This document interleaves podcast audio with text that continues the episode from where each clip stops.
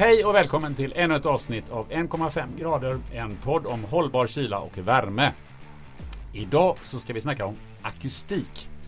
Vi ska ställa oss frågorna vad är egentligen ljud och akustik och vad har det med hållbarhet att göra? Eh, vi ska fördjupa oss i eh, vilka standarder som gäller, eh, både, både när det gäller maskiner eh, som testas i fabrik och ute på plats. Vi kan tänka oss att ställa frågor kring hur förändras en ljudbild när fler maskiner hamnar i samma utrymme och hur räknas ljudeffekt i förhållande till ljudtryck? Och inte minst, vi ska ställa oss den intressanta frågan. Investerar vi för mycket i ljudisolering?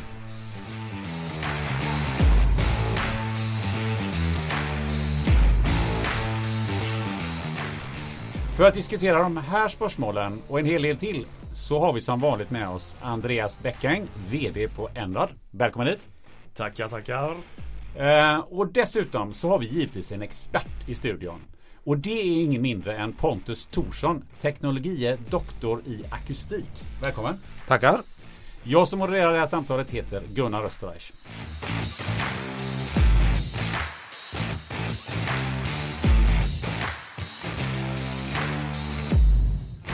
Eh, man tänkte börja med det Andreas. Eh, hur mår vi idag som man brukar säga på en del vårdinrättningar? Eh, vi mår väldigt bra.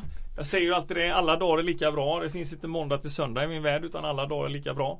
Alla dagar är lika bra och ja, det finns inte måndag till söndag. Nej, så är det. Ja, det låter ja, väldigt det, positivt. Det, det, är så jag lever. Ja, det är härligt. Ja. Du, när vi spelar in det här så har ju våren börjat komma på besök. Jag, jag blir lite nyfiken. Du har ju en hel bondgård. Hur tar man emot våren på en bondgård? Eh, ja, på bästa sätt skulle jag säga. Det är nog den årstiden som är ja, mycket förväntningar och eh, man har mycket att se fram emot. Saker och ting ska börja leva igen på något sätt. Eh, och det är en skön känsla. Vilka, vilka, vilka djur är det som är mest aktiva på våren? Känner du av det?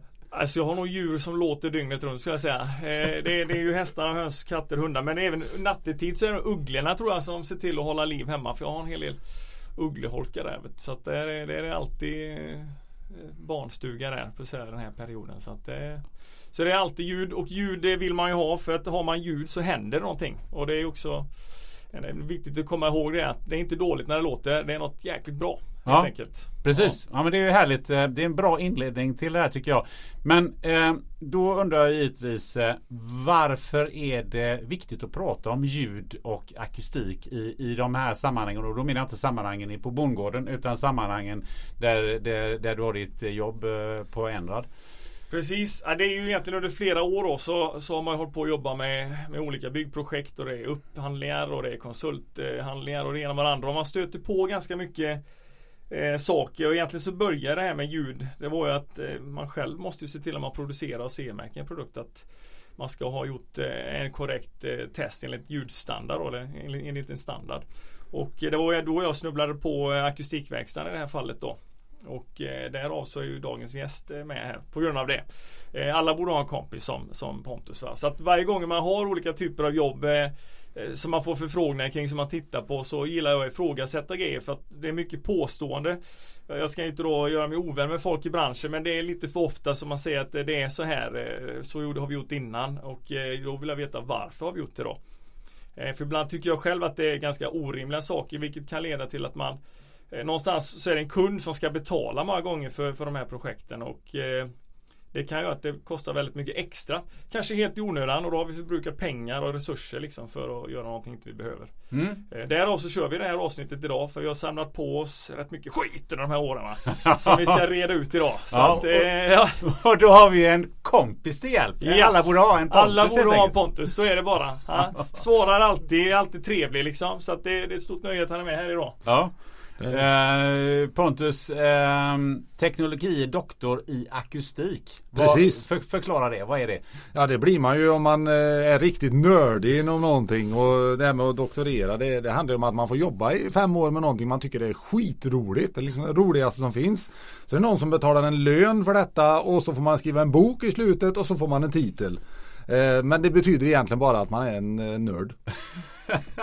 en nörd, ja men det, det är perfekt. Men du vet, du är en nörd men dessutom så är du faktiskt en sån nörd som kan eh, förklara för andra hur saker och ting funkar. För en del nördar klarar ju inte det. Nej, det verkar så ändå. Jag har ändå jobbat nu som konsult i snart 20 år och det, det någonting har gått bra i alla fall. Verkar så, för du har ju faktiskt vunnit det pedagogiska priset på Chalmers ett flertal gånger. Ja, det är sant. Ja. Snälla studenter. Ja. Så, men det är därför jag ringer Pontus. Att en, en vanlig dödlig som jag kan förstå liksom. Då ringer man Pontus så, mm. så får man en, en, förklaring som man kan förstå sen. Att varför mm. är det så här? Man kan ju säga det att, att eh, jag gick ju direkt ifrån att vara, ta, eh, disputera och eh, sedan tog jag i princip dagen efter över en konsultfirma. Och då gick man ifrån eh, den stora värld, akademiska världen där allting handlar om att nu ska man reda ut och det kan vara si och det kan vara så. Och sen till nästa dag så, skulle, så ringde folk mig och frågade Är det så här? Ja eller nej? och då får man ju anpassa sig helt enkelt. Att vill man eh, ha bra svar, eller, ja då får man ju ge det helt enkelt. Och de bra svaren eh, eh, ger du då på, på Akustikverkstan som Precis. är eh, det här bolaget då som du eh, hoppade in i. Eh, kan du bara berätta kort, vad, vad gör Akustikverkstan? Ja, vi är ljudkonsulter. Så vi sysslar med allt som har med ljudmiljöer att göra. Eh, vi begränsar oss inte till bara eh, byggnad, eller bostäder eller bara kontor eller bara industrier utan vi tycker det här med ljud det tycker vi är skitkul. Så varför ska man inte hålla på med allt som är roligt? Och eh, då landar man också in i att eh, man behöver bedriva koll på produkter, källor. Så vi har också ett labb där vi testar då olika både byggprodukter och även olika ja, källor som har ljud för sig, till exempel fläktar eller kompressorer eller så att vi har den verksamheten också. Men då, då kan vi fundera på, om vi tar lite grundläggande här då. Ljud, akustik. Vad liksom, hur, hur skulle du vilja säga, beskriva det? Vad är det utifrån dina termer? Och, och, och hur, hur mäter man ljud egentligen? Ja, det där var en jättestor fråga ja. tycker jag. För, att jag, för mig så är ju ljud eh, i alla fall halva världen. Mm. Så, så att man, eh, man blir ju liksom insnöad eller fokuserar på sina, sina saker. Eh, så att för mig så är ljud och akustik inte bara det man mäter utan det handlar så mycket mer. Det handlar om eh, vad ska man säga, den, en del av den miljö som vi befinner oss i. Eh, och där vill jag ju också ta med att i hållbarhetstänket att skapa en bra ljudmiljö eller en, i alla fall en acceptabel ljudmiljö det är ju en del av en hållbar miljö överhuvudtaget. Och detta handlar ju både inomhus och utomhus. Ja, för det är väldigt många människor som har åsikter om ljud. Det här ljudet kan jag inte lyssna på. Kritan ja. mot tavlan. Oh, då, då, då är det nästan så att jag dör. Och, ja, det, så det, det, det verkar som att alla har eh, olika upplevelser av ibland samma ljud. Ja men så är det. Så är det. Och det, det, är ju det som är problemet kan man väl säga att alla är utrustade med de bästa analysinstrument som finns för ljud, nämligen våra öron. Och man ska ju veta det att öronen är, är så mycket bättre för kvalitativ ljudanalys än vilket mätinstrument som helst. Så man kan väl säga så här grovt sett i en konsults arbete så använder man öronen väldigt mycket för det kvalitativa utvärderandet. Men vill man sätta siffror på det, då använder man ett mätinstrument. Men det är precis som du säger att, att um, alla har väldigt olika uppfattningar om precis samma ljud. Och det är ju ett uh, stort problem om man då ska skriva samhälleliga regler för detta. Och för att man kan ju inte köra efter principen att alla ska vara nöjda. Då kommer aldrig någonting att hända. Så det, det, tycker jag är felaktigt och det är därför vi har då bullerregler till exempel. Men eh, innan vi börjar gå in på att vi ska prata om, om mätning av i labbmiljö och, och ute på, eh, på fältet så att säga. Vad ljud är. Men, men eh, ibland så får man en känsla av att eh, vi ska alltid sträva att ha det så tyst som möjligt. För är det tyst så är det bra. Men eh, det har jag förstått att riktigt så enkelt är det inte. Nej det där med tystnad det tycker jag är en sån här dogm som man borde ifrågasätta mycket mer än vad man gör idag. För att eh, ren tystnad alltså som frånvaro av ljud det är någonting som väldigt få skulle uppskatta. Alltså vi är alla olika givetvis. Men den stora gruppen skulle inte tycka att ren tystnad är bra. Jag kan ta ett exempel ifrån eh, när jag jobbade då på Chalmers som doktorand.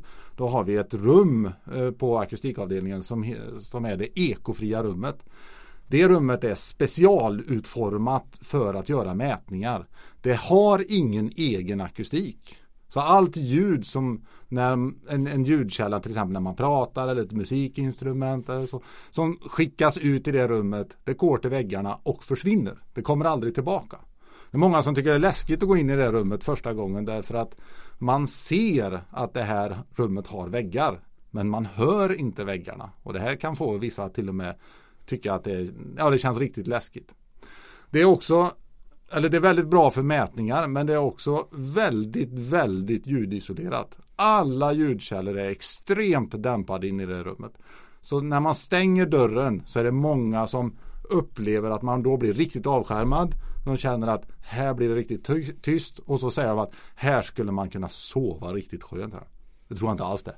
Inte på minsta sätt. Därför att det som händer i den mänskliga hörseln är när, när man tar bort bakgrundsljuden då justerar röst, eh, hörseln sin känslighet. Så blir det tystare runt omkring så blir hörseln känsligare och känsligare och känsligare. Och det finns ingen ände på detta. Så det, man, det som händer när man går in i det här rummet är att man gradvis hör tystare och tystare saker. Och till slut, det har jag själv varit med om, så kan man höra sina egna hjärtslag. Och det är inte skönt, det kan jag säga. Det är inte alls avkopplande. Hur lång, hur, lång, tid pratar vi om då i rummet innan ja, det börjar hända grejer? Jag det, En kvart. Ja, jag tänkte det låter länge. Jag tycker man kan höra pulsen ändå. Det kanske bara är extra kraftigt helt enkelt. Det, det skulle vara en utmaning för dig Andreas ja, att gå in i det här rummet. Ja, och vara tyst i 15 minuter. Jag gillar inte när det är tyst liksom. Det har jag sagt innan. Det är därför ljud är bra va. Ljud betyder att vi, har, vi gör någonting och då Ja. Och det är bra. Och det tycker jag är väldigt intressant att du säger för det, det är det som många reagerar på ljud att det, det, innehåller ju information. Alltså det är inte bara något tekniskt mätbart utan det är en kommunikation på något sätt. All, jag skulle säga de allra flesta ljud har någon form av information inbyggd i sig. Till exempel kan man eh, prata om en eh, om det är en, en varm sommarkväll och folk vill gå och lägga sig och sova. Och så det är varmt så man har fönstret öppet. Tyst och lugnt. Så kommer det in en mygga. En liten mygga. Det är inte många decibel på den myggan. Men oj vad den är störande. För det den ljudet av myggan betyder att nu är det den här irritationen. Den sätter sig säkert på ett riktigt obekvämt ställe och så biter den. Och så kliar det. Och så kan jag inte sova. Och så blir det... Alltså hela den processen sätter igång när du hör den lilla myggan. Det finns en information i allt det här. Och det är det du gillar då, att det finns alla de här sakerna. Precis, sen finns det kanske saker som är mer, mer bra och mindre bra då. Men, men ett ljud, det, det tycker vi fortfarande är bra. Man kan, man kan alltid dela på det liksom, att är det ljud som jag tycker om eller är det ljud som jag inte tycker om? Och de som, vanlig definition är att buller, det är sånt som jag inte tycker om. Ja. Precis. Men det är för mycket strävan efter att ska vara tyst i varje fall. Det, ja, är, det, ja, det, det är, vi överens om. Vi sitter här idag. Det är vi överens om. Eh, men buller vill vi eh, inte ha. Och eh, det behöver vi någonstans så, så, så mäter vi saker och ting för att sätta standarder. Och eh, en sån mätning sker i, i eh, labbmiljö av eh, maskiner och, och, och, alla möjliga typer av produkter. I det här fallet då så pratar vi om värme och, och kylanläggningar. Um, och, och, kan det ge oss en liten överblick i vad är det för typ av standarder man, man testar och hur gör man? Alltså det, det är ju standarder för Eh, produkter så man har i princip en standard per produkt. Att, eh, som säger att de här mätningarna ska vi göra för den produkten eller en helt annan produkt. Det är vi andra mätningstyper. Men om vi nu går in på kylanläggningar så, finns, så hänvisar man till en, eh, det som på tekniska kallas för ljudeffektnivå. Alltså mätningar av hur stark är den här som ljudkälla. Man kan ju likna det vid watttalet på en gammal helig glödlampa. Och där vet man ju då att högre wattal, ja då är det mer ljus. Och det är samma sak med ljudeffektnivå. Att om man då en högre ljudeffektnivå, det blir mer ljud man skickar ut. Eh, och det finns speciellt utformade rum då för att mäta just den här ljudeffektnivån. Och då mäter man källstyrkan. Så, och det är det man deklarerar produkten på. Hur, hur mäter man eh, era produkter? Vad är din upplevelse? Ja, vi, vi, vi, har ju den förmånen då att eftersom man är kompis med Pontus så vi, vi, vi gör ju tester i, i våran eh, produktion helt enkelt. Alltså vi har ju satt upp olika ljudabsorbenter och liknande för att se till att få en miljö där du faktiskt kan mäta det. Då. Så vi har ju gjort många mätningar eh, men i mitt fall så var det det att det, vi måste ju mäta då för att eh, och göra det på ett riktigt sätt så att vi har kalibrerat grejer och att det, allting blir hundraprocentigt riktigt gjort enligt standard och därför vi tog kontakt då med akustikverkstaden när vi körde igång det. Sen har vi gjort mätningar vid ett antal upprepade tillfällen också. Om man har förändrat produkten så blir det andra förutsättningar och då måste man testa igen. Eh, och, och då har jag upplevt eh, under de här åren att det, det är ofta att man vad är det man jämför med då? För det finns standarden säger att du kan ha på en meter och det finns på 10 meter och det är ganska stor skillnad där. Så att det här är då viktigt att vi pratar om det här rätt nu att när folk ska jämföra så måste de jämföra rätt standard mot, mot varandra så att det blir likvärdigt då. Mm. och här vet jag inte om det är så nu att vi har en standard som kan vara både en meter och 10 meter för det finns ju lite olika det finns, eh, ing, det finns egentligen ingen standard som säger att man ska mäta på en meter. Det där hänger ihop med EUs maskindirektiv. Ja. Att om man inte kan mäta ljudeffektnivån för en maskin då ska man mäta ljudtrycksnivån på en meters avstånd. Och det här om vi, om vi fortsätter med lampanalogin så är ljudeffektnivån det är lampans watttal eh, eller lumen nu då eh, om man tar mer moderna lampor. Eh, och då, sedan är ljudtrycksnivån det motsvarar då av hur ljust blir det. Och då kan man ju tänka sig själv att, att om man sätter upp en lampa så är det ju ljusare när du är nära lampan än du är långt borta. Och, men ljusstyrkan hos lampan är alltid lika stark. Och där är ju det som är, blir problematiskt då med en meter och tio meter att det är en himla skillnad att jämföra de två värdena på, ja, på ljud kan man säga. Men det, men det alla är specar är olika. Man kan se det när man tittar i, i datablad. Liksom, att, ja. att, det finns både ja. en del upp i en meter, en del tio meter. Så att det, mm. bara vara observanta. Mm. När du har en källa som är begränsad i sin storlek, alltså typ en eh, garderobstorlek som era är och jag gissar era konkurrenter också är, så är den, den ska mätas med ljudeffektnivå. Det är inte något annat som gäller. Det här med att hålla på, på att mäta rådata på en meter så det ska man inte göra. Utan det ska mätas ljudeffektnivå. Och sen de här värdena som deklareras utav tillverkaren i olika blad. De är sedan uträknade från ljudeffektnivån. Och det är en, en smal sak att, att räkna ut vad ljud trycksnivån blir på en meters håll eller på tio meters håll när man har ljudeffektnivån. Varför skiljer man på de sakerna? Ljudtrycksnivån och ljud? Ja, men ljud, ljudeffektnivån är källstyrkan, ljudtrycksnivån är det du hör. I princip. Så att, och det, det är samma som vi alla känner att det står vi nära en högtalare, ja, då låter det högre än om man står långt bort. Där är ljudtrycksnivån längre, lägre lång, längre bort. Det är så enkelt. Och det här finns ju liksom ren fysik om, som beskriver hur det är man ska räkna om det. Sen är det rena traditioner. Vi som tillverkar, vi har alltid gjort så här. Så att det, de har inte ifrågasatt tillräckligt mycket. Men det är där jag kan tycka att det är väldigt viktigt med om man blir så lite mer regelpratande om att EU till exempel eh, tycker jag gör en, en, väldigt bra sak i detta när man publicerar så kallade harmoniserade standarder för produkter. Och de här harmoniserade standarderna beskriver att för den här produkttypen så ska alla inom EU göra på detta sätt. Och det är ett långsamt, trögt arbete. Det tar tiotals år att komma igenom det här. Men det fortsätter, det pågår hela tiden. Och men man har inte kommit till kylmaskinen än. Nej.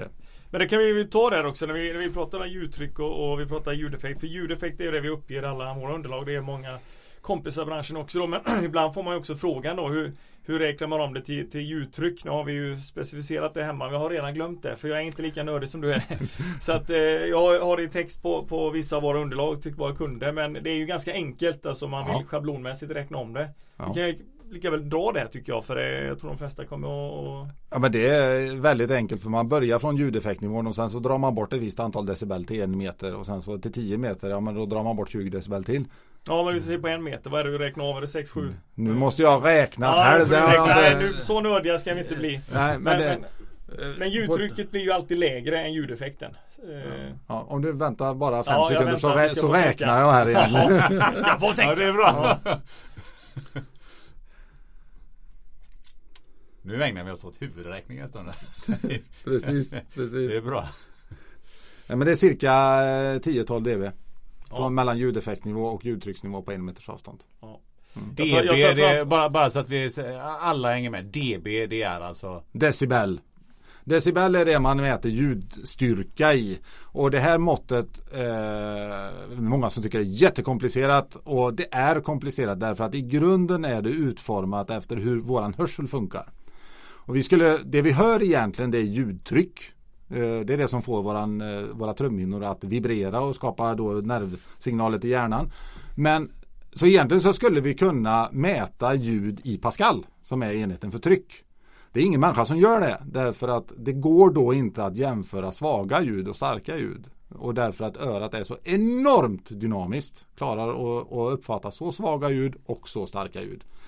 Eh, och därför så gjorde man väldigt, väldigt tidigt inom eh, akustikens framväxt, eh, ungefär en hundra år sedan. Eh, så gjorde man i amerikanska Bell-laboratoriet gjorde man väldigt många tester på hur folk upplevde ljudstyrka. Och då kom man fram till grundenheten Bell egentligen. Och, men man såg också att den var alldeles för grov. Så därför tog man tiondels Bell, alltså decibel, för att få det här att funka. Eh, så det är, egentligen är det i grund och botten är det för att vi ska få ett mått som motsvarar vad vi hör. Alltså det utgår ifrån människan hela tiden. Men vad jag har förstått, eh, nu kanske vi eh, kommer in på detaljer här, men vad jag har förstått så, så är decibelskalan inte, inte liksom rak utan den är logaritmisk eller något sånt där. Den är logaritmisk. Vilket innebär? Det innebär att den är enormt krökt. Då. Man kan säga så här att eh, om man skulle översätta eh, effekt till, till eh, eller om man, om, om man skulle ta värmeisoleringen hos en fasad. Eh, så vet ju alla det att den är ju mätt i U-värden och har man ett U-värde på 0,1 så är det eh, rätt bra. Eh, halverar man U-värdet till 0,05 då får man en drastiskt minskad värmekostnad i huset. Alltså man får en halvering av värmekostnaden.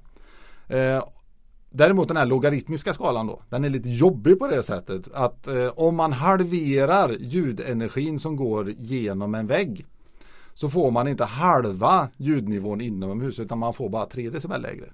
Och det är på grund av den här eh, logaritmiska skalan. Så man kan säga att varje gång man lägger till 3 dB då har man dubblat ljudenergin. Och om man ser ur ett byggtekniskt perspektiv om man då har ett, ett ljudkrav på eh, 50 decibel Eh, så bygger man på ett sätt. Om man då höjer kraven på ljudisoleringen för väggen så man ska komma ner till 40 dB, alltså en skillnad på 10.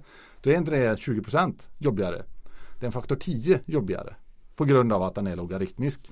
Och varje gång man lägger till 10 dB på kravet då har man gjort det 10 gånger svårare. Så att gör man det 20 dB skillnad så är det 10 gånger 10, det är alltså 100 gånger svårare. Men det är ju det som kommer upp som man ser emellanåt om man pratar utifrån det här och att du ställer in ett antal maskiner liksom. Ja, och så har du två maskiner så tar, ja, då har du en ljudbild som ser ut så här och så Ja men vi, vi, kan, vi, vi ska ha dubbelt, dubbelt så många maskiner här nu och då börjar ju folk liksom gärna spekulera då. Ja, hur mycket gör det på ljudet? Ja, det är inte så att du kan inte dubbla den från 80 decibel till 160 då direkt. Det funkar ju inte så. Utan det blir ju bara 4 decibel på varje Nej, det blir bara tre. Det blir bara tre, så är det ja. Så är det. Tre är det. Varje gång du dubblar antal ljudbilden så blir det, precis. Ja. Så har du en maskin som ger 60 dB. Ja. ja. Så lägger du till en maskin till, då får du 63. Ja. ja. Sen kan du tro då att om du lägger till en maskin till så får du 66. Nej, det får du inte, utan du får 65. Ja. Utan har du fyra maskiner, går från två till fyra, då har du 66. Ja. Ja, det, det, vi har ju tagit upp det några gånger. Det är en sån här fråga som rullar tillbaka. Jag mm. är till och med spesat den faktiskt i underlag bara för att folk ska se det tydligt. För det är ganska vanligt att man, eh, man, man har oftast en, en bild av att dubblar du ljudet då borde det hända väldigt mycket mer. Men det gör faktiskt inte det. Men, men då, då, måste jag bara ställa frågan. Eh, liksom, om du säger så att det, det, är bara 3 decibel högre så dubblar du ljudet. Var det så du sa? Ljudeffekten. Ljudeffekten. Mm. Men upplever jag det som att oj, nu har, min, har ljudeffekten dubblats i mina öron. Nej, det gör du faktiskt inte. Utan om man tittar på upplevd ljudstyrka så säger man någonstans mellan 8-10 eh, decibel. Om du ökar den eh, nivån så mycket då upplever du den som dubbelt så stark. Mm. Lite beroende på frekvensspektrum, det är därför man säger ett spann på 8 10. Yes, uh, men någonting som vi, vi ska ju lämna det här med, med mätning i labbmiljö alldeles strax. Men någonting jag uh, funderar på är ju, okej okay, man mäter det här, men vad gör man av resultatet? Ja, nej men det är ju ofta en, en, en akustikkonsult som får ta hand om det här i sista ändan. När man kommer till att den här produkten ska sättas i en färdig installation, en färdig byggnad. Det kan vara en installation utomhus eller inomhus. Och eh, så har man ju det som någon form av indata. Men för att man ska kunna färdigprojektera, göra saken klar så måste man ju veta vad har man för krav någonstans. Och det, så innan man vet vad kraven är för någonting så kan man ju inte göra någonting egentligen. Man kan gissa, men det är inte samma sak. Nej. Nej som sagt när vi pratar labbmiljö är det bara i vårt fall. Vi, vi gör det, vi, vi ska ju testa det under de här standard, standardformerna helt enkelt. och deklarerar vilka ljudbilder vi har här och eh, det, har, det, så det gör man ju Det gör man inte själv, alltså det bara är så. Det, man får ha någon som är professionell som, som Pontus är som tittar på det helt enkelt. Men men sen ska den ju vidare mm. till eh, nästa led eh, och eh, hanteras av de som ska plocka ihop grejerna. Det är ju det vi ska komma till här också. Hur ser det ut? Precis. Vad för krav? För vad eh, Hur ser det när man tar ut det i, tar ut det i verkligheten? Hur, eh, hur ser det ut då? Alltså det, ofta så här finns det någon slags idé om att det här med labbmätningsresultatet är, är något, något idealt resultat som aldrig inträffar i fält. Men det vill jag ju påstå att det, det är inte riktigt så. Alltså källan kommer säkert att bete sig ungefär som den gjorde i labbet. Det som är skillnaden mot labbet är ju att att det finns andra saker runt omkring. Det finns kringutrustning som inte var med i den mätningen som lägger till ljudeffekt. Eh, men sedan är det också hur ser förutsättningarna för där den här källan sätts in. Alltså bygger man in den i ett maskinrum så kommer den stå utomhus på ett eh, något entresolplan eller alltså vad är det för förutsättningar egentligen? Och där då måste man ju ta med alla de här förutsättningarna för att få en, en, en vettig värdering. Och i värderingen så måste det vara jämförelse mot kravet. Om det är bra eller inte. Ja men det är ju det jag tänker. Det här snubblar man på då ofta att det, det ska vara vissa eh, Vissa ljudnivåer då vilket mm. jag påstår att jag vill veta varför och var man fått dem ifrån då. Men i grunden så måste det alltid vara så att det ligger någon form av Alltså vi har ju bullerreglerna och det är ju de som antar ska styras. Att det är väl inte oklart vad som egentligen gäller. Är det privatbostadsområde? Är det ett industriområde? Är det dagtid? Är det nattetid? Det finns ju klart och tydligt vad som ska gälla där. Ja, ja visst. Ja, ja visst. Men det, det, kan man också rent, eh, vi har ju pratat på den här gången. Jag får mig du, du har haft ett bra, ganska förenklat utan att göra ditt jobb nu. Nu låter det, om du ska dra den du har dragit för mig va, så, så uppfattar man ju ditt jobb som jävligt enkelt. Eh, det är ju säkert. Men kan du dra den buller, vi pratade även något tillfälle om just eh, bullerutredning, alltså, alltså väldigt enkelt nu då. Ja, det, det ja. Ta, grundregler finns ju i samhället och alla ljudnivåer utomhus det är Naturvårdsverket som bestämmer. Det, det, är den bestämmelsen som finns. Alla ljudregler som handlar om bebyggd miljö inne i hus till exempel, då är det Boverket. Så beroende på vilken situation man har så får man gå till den myndigheten. Men, men eh, om man tar då, jag tror att det var ljudnivåer utomhus vi pratade om. Ja, det var om. Vi pratade, då var det industriområde. Vi kan ta mm. det som ett exempel. Liksom, att det var, Jag fick till mig att ja, Eh, det ska vara 50 decibel här eh, i ljudnivå då. I det här fallet så utan att bli för tekniska då, men det skulle till en kylmäskyla i det här fallet. Vi behöver blåsa väck värme helt enkelt ifrån en kylanläggning. Och då var det 50 decibel och då undrar bara, men var fick ni 50 decibel ifrån? Den här står mitt ute i ett industriområde då. För att det är ju en enorm skillnad i investeringskostnad för slutkund om du ska ha 50, 60 eller 65. Eh, hur mycket material du behöver stoppa dit och vad det kostar. Så att det var då jag ringde till dig helt enkelt. Som du gör när jag gör när det dyker upp sådana här påståenden som inte jag själv kan bemöta. Mm. Eh, och då var det ju, då drog vi det här att okej okay, vad är det som gäller nu i det här området då? Mm, ja, är det inom ett industriområde så finns ja. det ju inga bullergränser utomhus. Så var för mig Ut, Utan eh, det enda som kan komma det är om det finns en, eh, en kontorslokal i närheten inomhus i den lokalen. Och då kan man ju tänka sig att vilken vägg som helst plockar ju ner ljudnivån i alla fall en 20-25 decibel. Så att om ja. de behöver ha då inomhus så är det ganska vanligt med 35 decibel och så lägger vi på 25. Ja då är det 35 plus 25. Då kan du ha 60 på utsidan. Typiskt. Ja. Alltså mycket mer än 50. Ja. För jag har utan den bestämda uppfattningen att vi har de här riktvärden eller kraven och vi ska uppfylla de kraven men, ska, men vi ska inte nödvändigtvis göra dem 10 decibel bättre än kraven. Det är ingen som blir extra glad för det. Utan där kommer ju den här hållbarhetsaspekten i eftersom vi sa förut att skillnad på 10 dB det är inte 10 procent utan det är en faktor 10. Mm. Ja, det är väldigt stora pengar och det är ju som sagt kunderna borde fråga sig vad fan får jag för pengarna? Det är lite så. Eh, I slutändan är det ju de som betalar eh, och då mm. ska man ju inte overdo it. Det ska mm. vara rätt. Mm. Om jag får skryta som akustikkonsult så, så i, i, i många byggprojekt så vi siktar ju på eh, eller det är ett av målen när vi, när vi projekterar en byggnad att när vi går in att man kan faktiskt få negativ kostnad på en akustikkonsult. För jag menar om vi kostar 100 000 spänn i en projektering. Men om vi sparar byggaren 200 000 kronor. Då har vi ju haft en negativ kostnad på 100 000 kronor. Det är, är möjligt alltså. Det har ja, hänt. Det är jag rätt säker på. Det, det vet jag redan nu eftersom jag ser de här projekten när vi pratar 50 dB. Bara varför gör vi det? Alltså det är, vi pratar ju sexsiffriga belopp här för att liksom ta höjd. Du kan vi skulle kunna liksom dra ner 150 000 kronor här i den här investeringskostnaden. Bara på den här lilla delen liksom. Mm. Och bara liksom släppa upp ljudet. Mm. Och du har fortfarande, du, du liksom lätt inom regelverkets ramar för att mm. uppfylla kraven. Så att, eh, det är jag helt säker på att, att man skulle göra det på många ställen, spara mycket pengar. Ja, men om du skulle dra en liknelse mellan, mellan den hanteringen på ljud och eh, energieffektivitet. Då skulle alla, då skulle alla liksom hårdra sin kalkyl mycket, mycket tydligare. Men på ljud så är det bland annat på grund av att man inte hanterar det så ska man säga noga enligt min, mitt sätt att se det. Jag tror mer att man inte faktiskt förstår Alltså man förstår inte konsekvensen helt Nej. enkelt. Att det här, det är lilla. Om jag säger återigen, om jag säger 50 eller om jag säger 60 eller om jag säger 65. Ja, det är skitsamma. Det, blir, det, det, det, spelar inte så stor roll. Men det gör det har ju en otrolig påverkan eh, på, på kostnaderna. Mm. Och, och givetvis miljön då eftersom vi gör, gör åt mer material för att bygga större och eh, tystare.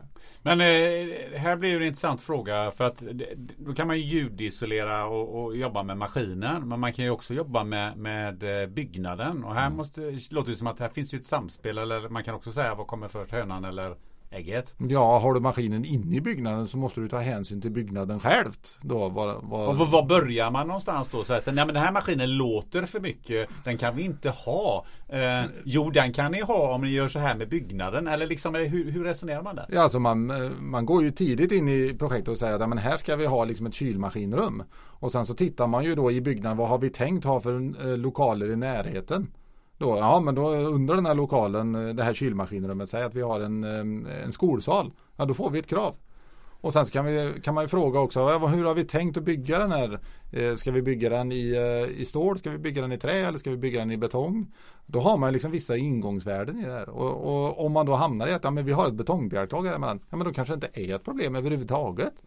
Men det får ju utredas under vägens gång och det, det, är inte så många timmar man behöver för att se över en sån här sak. Så att i tidigt läge vill man ju gärna komma in som akustiker och, och kunna ge råd om vad är smartast och, och, och, och vad är inte så smart. Alltså vi har ju sådana härliga exempel ifrån, ifrån byggprojektering som inte handlar om kylmaskiner men att det är aldrig en bra idé att lägga en Friskis och Svettekimpasal vägg i vägg med en inspelningsstudio. Det krävs ingen Einstein för att tänka ut det. Ändå sker det många gånger i världen. Och då får man problem. Ett annat sånt klassiskt problem det är om man har dansställe i samma hus som, en, eh, som bostäder. Det har aldrig gått egentligen. Utan det är saker man måste egentligen projektera i separata hus.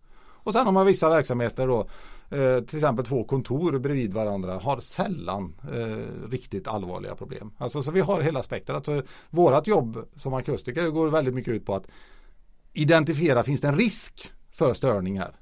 Kan folk bli riktigt arga eller störda? Och sen försöka minimera den risken då. Men, men med ett öga på, på reglerna. Men, men bara så här, hur går det till då? Alltså, här har vi ett kylmaskinrum och sen har vi konstruerat eh, den här byggnaden på ett visst sätt. Begränsar det då? Ja men då kan vi bara välja den här typen av maskin. Eller börjar man att välja det? Vi ska ha den här maskinen i det här Eh, rummet. Därför måste vi bygga byggnaden på det här sättet. Vad är det som, vad, vilken, vilken ordning tänker man? Man tänker båda ordningarna samtidigt faktiskt. Eh, men vanligast är att eh, den som har beställt hela byggnaden har en idé om vad de vill använda och då testar man ju den idén först. Och ser man då att eh, ja, men idén funkar med den här konstruktionen vi har tänkt, ja men då är det inga problem, då är det bara att gå vidare. Och det är ganska vanligt. Men ser man att det blir problem så har man ju valmöjligheten, en av två vägar. Antingen så väljer man en, en eh, tystare källa. Alltså den här ljudeffektnivån vi pratade om labbmätningen tidigare. Då finns data på det. Eller så förändrar man byggnaden. Man kanske hänger in ett extra undertak. Man kanske sätter ett installationsgolv. Man bygger en kraftigare vägg. Vilket som helst av dem är, är helt okej okay, därför att kravet finns sedan ofta, oftast i alla fall i mottagarrummet. Så uppfyller man kravet i mottagarrummet så spelar det egentligen ingen roll vilken av de två vägarna man tog. Bara man kommer till rätt resultat. Nej jag funderar lite på det. Vi pratar med, eh, nu, nu, har du uppenbarligen nog kanske tagit alla eh, akustikkonsulter som finns i det här landet. Du har anställt 20 stycken. Men jag, jag funderar bara på vad är, hur många, jag tänkte det är många stora konsultfirmor där ute eh, som jobbar eh, varje dag med de här grejerna. Så hur ser det ut? Eh, jag har glömt att fråga det. Jag brukar fråga dig väldigt mycket grejer men eh, Finns det akustikkonsulter på eh, Hur ser det ut procentuellt? Alltså har man egna akustikkonsulter på, på de här de stora, de, de stora, stora har de. Ja, det har de. Ja. Det har de. Ja. Ja, ja. Så. Men det brukar ju vara så att, att eh, enligt min ringa uppfattning att eh, akustikkonsultavdelningen är ganska liten om man jämför med övriga. Så. ja, det kan man ju förstå för det är ju en nörd del i, i det hela va. Så att det kanske inte är så konstigt. Ja, Såna det, är vi. det är inte alla som går igång på, på ljud som du Pontus. Nej, nej. så att, eh, Men du brukar ju säga så här att eh, vad är summan av byggnaden? Eh, vet jag att du har sagt. Ja, om, eh, vad su- summan av eh, byggnaden med de källor den har. Ja. Det är ju det som är det viktiga. Inte exakt vilken källa du tar eller vilken byggnad. Och det, det, det tycker jag definitivt. Det, handlar just om det här att välja rätt sak och välja rätt byggnad då ihop. Och det, sen så får ju, får ju praktiken eh, utvisa, är det mer praktiskt, ekonomiskt, hållbarhetsmässigt? Är det bättre att göra en, en förändrad konstruktion i byggnaden eller ska vi byta till någon annan källa? Det får ju liksom projektet utvisa. Det ska man inte välja utifrån. Men jag, jag kan tänka mig Andreas att du hamnar en del i de här eh, diskussionerna för, eh, och, och, och diskuterar både med, med eh, konsulter och, och kanske fastighetsägare och så vidare när de ska välja maskin. Hur, hur ser du på det? Hur brukar den diskussionerna gå? Nej men det är ju oftast att det är eh, Det är många seniorer i den här branschen. Det ska jag också bli dräpt framöver. Men det är väldigt många seniorer i den här branschen som har jobbat länge och man har Som vi pratade om innan. Det är, många har rätt så förutfattade meningar om saker och ting ska vara. Eller att man alltid gjort på ett visst sätt och det kanske inte har varit eh, någon eh, in och snurrat i det då. Men man vill ju aldrig investera mer än nödvändigt. Så är det bara. Vi, är ju inne på det hela tiden. Eh, kostnader. Och oftast så Alltså så här konsult Konsulter och konsultföretag har ganska mycket att säga till om det i projekthandlingarna. För de sätter liksom ja, normerna för så här ska det vara. Då. Eh, och det är väl rätt ofta, som det är därför jag säger, jag får ringa en vän då ibland och då Då är det ju så att det kanske inte stämmer alltid det man får till sig.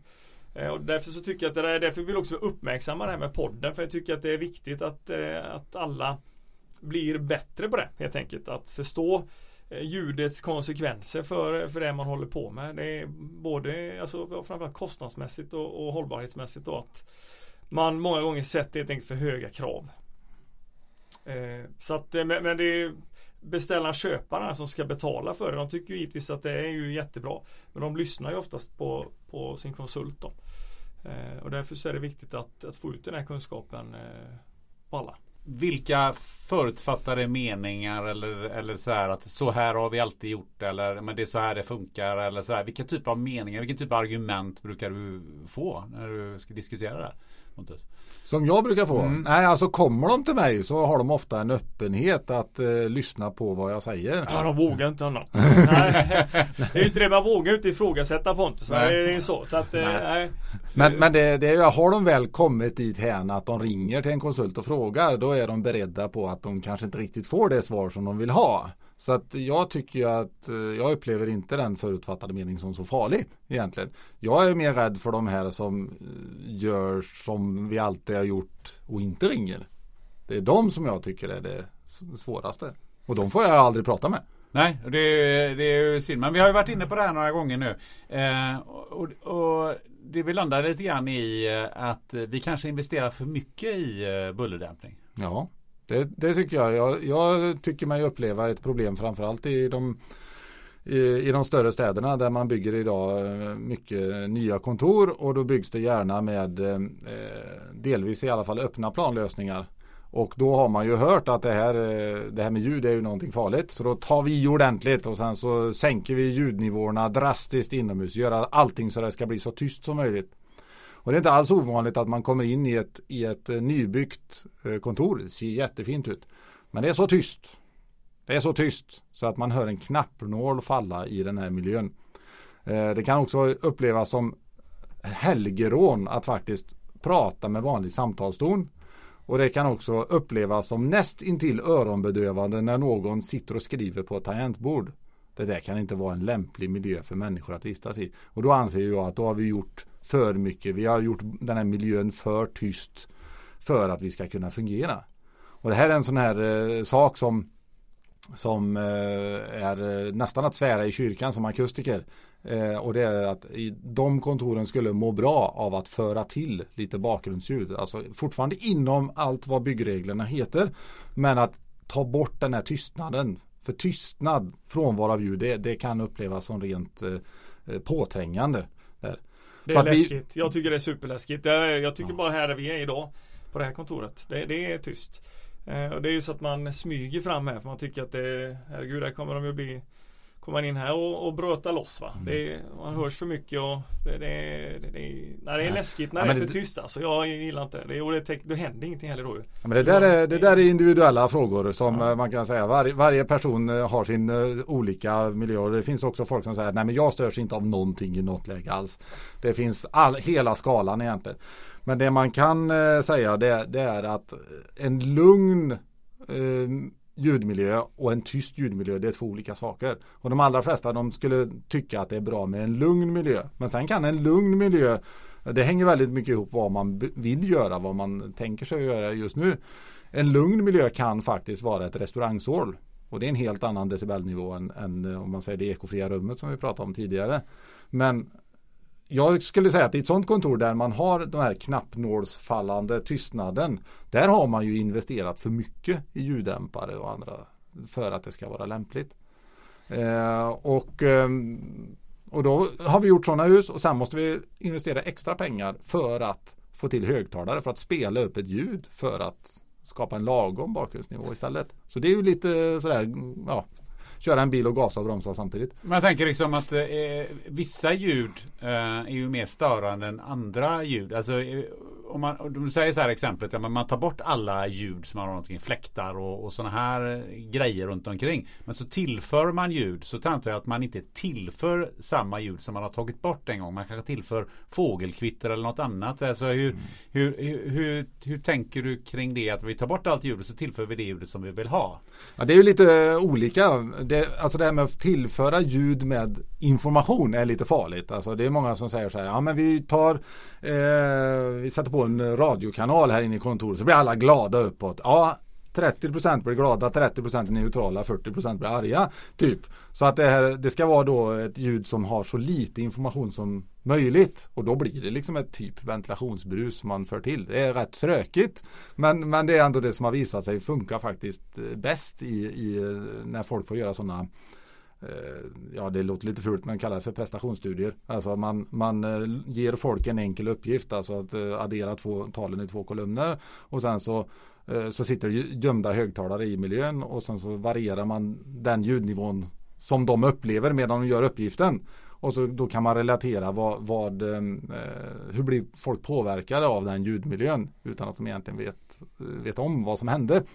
Eh, och då ser man ju då att i sådana här koncentrationskrävande uppgifter så är det ljud med mycket information, alltså att kollegorna pratar annat. Det, det påverkar jättemycket. Och det påverkar mycket, mycket mer än ett informationslöst brus.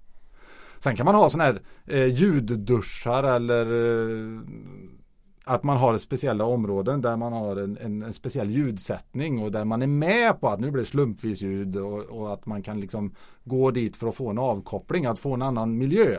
Och, men då är det liksom just att bryta någonting. Så det handlar väldigt mycket om om man tittar på arbetsplatsmiljöer att man ska ju få ju designa vad, vad man vill att folk ska ha för ljudmiljö runt omkring sig. För jag anser att man behöver inte en ljudmiljö. Det finns inte en ljudmiljö som är bra för allt. Utan det är hela tiden beroende på vad du vill göra för någonting. Det finns akademiskt bevisat att om man ska utföra kreativt arbete till exempel så är tysta miljöer är direkt, eh, inte skadliga men de funkar inte bra. Utan då funkar en kafémiljö med mycket intryck, mycket folk som pratar, sorl och det händer mycket som triggar hjärnan till arbete. Så den typen av, av arbete behöver liv och rörelse. Det är kanske är det du gör mestadels Andreas. Det är, så. Det är mm. alltid eh, dödsmetallen på klockan 11-12 på nätterna. Då går det som bäst va. Så att, eh, ja, det är ska det vara. Här ska det inte vara några fisiga decibel inte. Det ska Nej det måste vi ju, det måste vi ju erkänna. Jag menar, det, det, finns ganska mycket folk i samhället som tycker att höga ljudnivåer är kul. Ja, ja. Det, ja men det är, Så är det. Jag säger det jag sagt hela tiden här. Så ljud betyder att det händer någonting och det är ju oftast bra då. Det finns ju dåliga saker givetvis men Men att det, det Men skulle- sker någonting. Skulle du vara beredd att sätta in eh, tre av dina egna kylmaskiner i din egen bostad? Ja, jag vet faktiskt inte det. Det, det är klart att eh, det blir ju en annan. Jag tänker mer på att det blir det här jämna. Eh, alltså det är skillnad. Jag, vet inte, jag har inte kommit in på det hur nördiga vi ska vara nu. Men vi pratar olika frekvenser till exempel.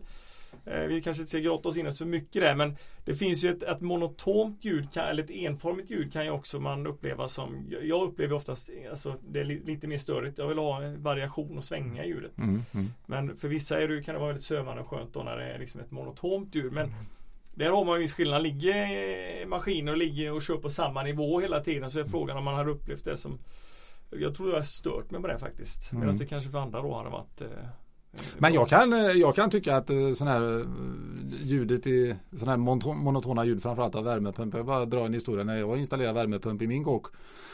Så var det, vi gick från ett, ett värmesystem på el på vatten till en värmepump. El på vatten var ju ganska tyst det, det värmesystemet och värmepumpen låter ju.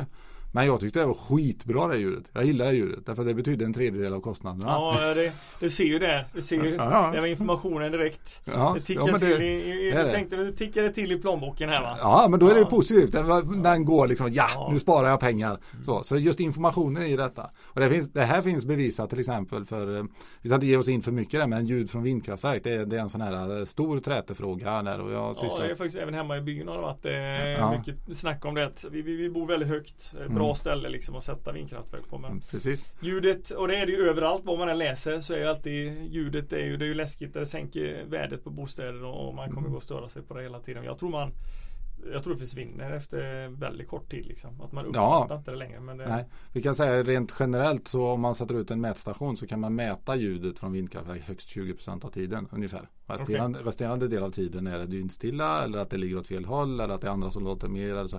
Men, men det jag skulle komma till var att, att ehm, eh, det finns också bevisat i en, i en, eller visat i en holländsk studie att folk som har ekonomisk vinning av vindkraftverken är inte alls lika störda av dem som de som inte har det. Förstår Så- det? Ja, Det står det. och det, det finns ju folk som har eh, ett, ett gigantiskt vindkraftverk precis bakom huset. De tycker det är skitbra. Känna göm, liksom, de- det är ju ljudet av att det tickar in pengar. Och det samtidigt är det då för den, den som inte har del i vindkraftverket och det står ganska nära. Du, det har ett väldigt karaktäristiskt ljud som, som eh, är väldigt lätt att för, ja, tolka. Och om du är arg på det här vindkraftverket och inte vill ha det där så är det som någon står och petar i sidan hela tiden så här, dö, där är vindkraftverket, han tjänar pengar. Det, det står där, det står där hela tiden. Ja, dö, dö, dö, ja det är klart man blir irriterad. Så, hela tiden. Så att det där, Pratar ni med vårtecken på tal om tjäna pengar så är det just det här att vårtecken är ju alltså solpanelerna hemma börjar leverera. Nu låter ju inte de förvisso men det är lite samma sak va.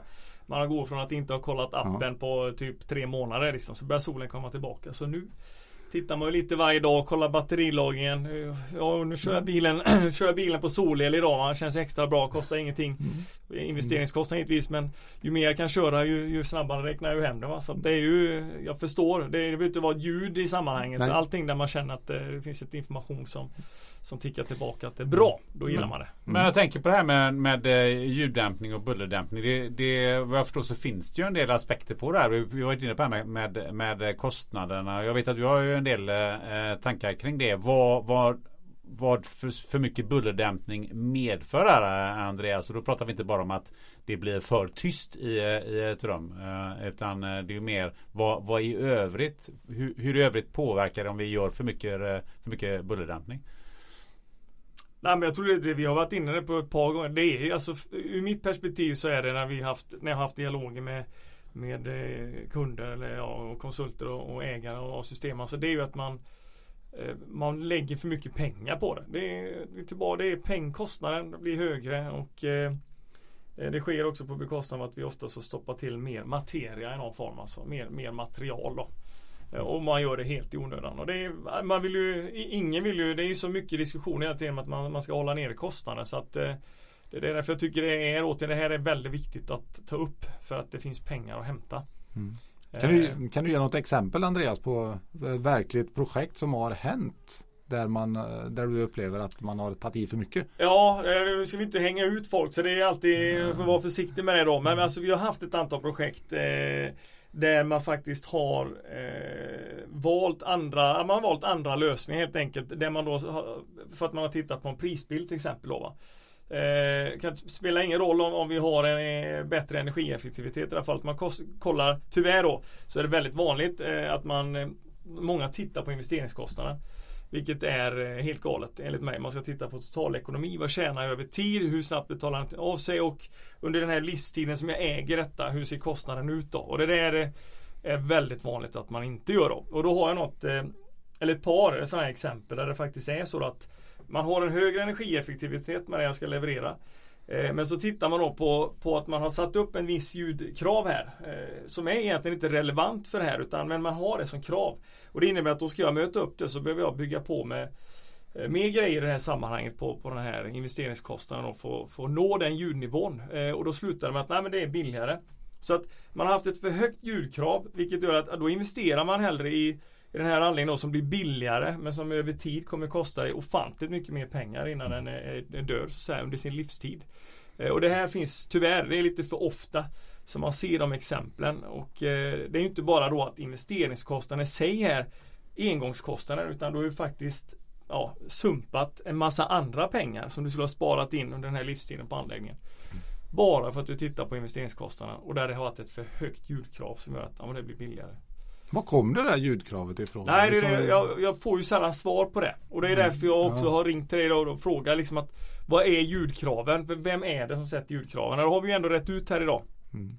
Eh, så att nästa gång, jag hoppas jag att det är folk som lyssnar på det som, som kan dra nytta av det. Men, mm. men att nästa gång de frågar så är det ju att ja men då hänvisar man till Boverket eller Naturvårdsverket. Eh, och där finns det tydligt vad som gäller bullerutredningsmässigt. Ja, eller också får man ringa mig helt Eller så ringer man dig. Ja. Förlåt! Eh, det skulle jag ju sagt. Ah, alla ringer till akustikverkstaden när jag har ljudfrågor. Ja. ja, precis.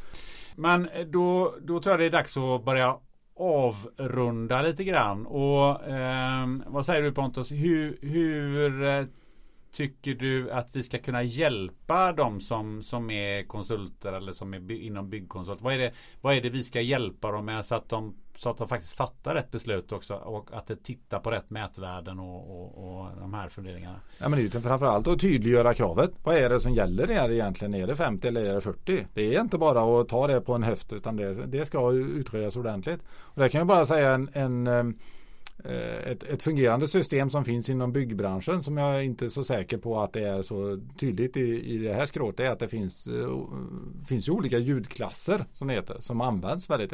Man har ljudklass C, det är grundkraven och sen har man bättre klasser, ljudklass B och ljudklass A som används ofta. Och det är också för att tydliggöra och liksom hitta den här diskussionen, den här valet som beställaren kan göra. Vill jag lägga, vart vill jag lägga min ambitionsnivå liksom? Och, och, det är ganska vanligt att bygga bostäder i klass B i, i stora städer. Eh, till exempel därför att man tycker att, eh, eller man, har ett, man känner ett kundtryck på detta. Eh, och det faller ju tillbaka hela vägen ner på, på konsulterna och det, jag tycker att det ska falla på rätt sätt. Även för kylanläggningar. Då. Så tydliggöra kravet är det absolut viktigaste. Resten faller sig som normalt habilt konsultarbete. Tydliggöra kraven. Ehm, jag vet ju Andreas att eh, vi har ju en ambition att, att eh, även sprida kunskap eh, lite, inte bara inom kyla och, och, värme utan vi ser det som viktigt att, att det är fler som kan ta till sig där. För det gäller inte bara de här maskinerna. Nej, alltså det Podden är ju till för att vi ska få det. Det är klart det kommer i grunden så har vi, är det utgått ifrån att vi jobbar med kyla och värme. Men podden ska ju sprida kunskaper. Det ligger även i, vår, eh, i vår mål, vårt mål på företaget, även affärsidén. Det handlar om att sprida kunskap. Sen behöver den inte vara direkt kopplat till det vi, vi håller på med. Utan eh, jag tycker det är ett schysst sätt att bidra på eftersom man snubblar på mycket frågeställningar eh, och mycket påstående. Så är det här ett bra sätt att kunna så att säga, få kunskap som man kan skicka vidare.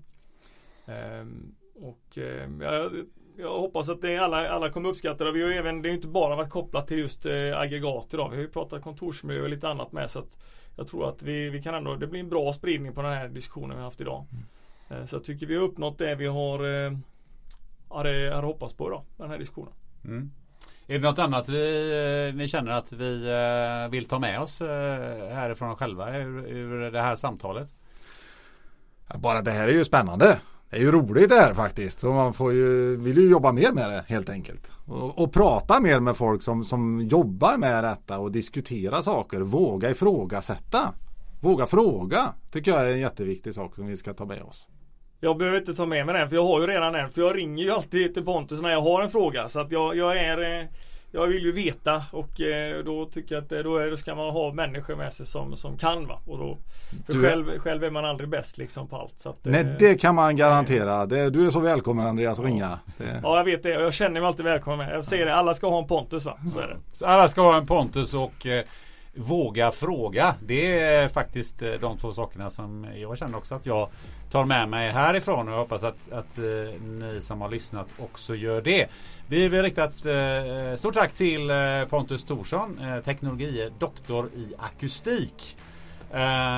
Och tack Andreas Bäckäng för allt från rock'n'roll till fina insikter. Och tack för att ni har lyssnat. Tack och hej! Ja, ha det gött. ha det gött. Tackar.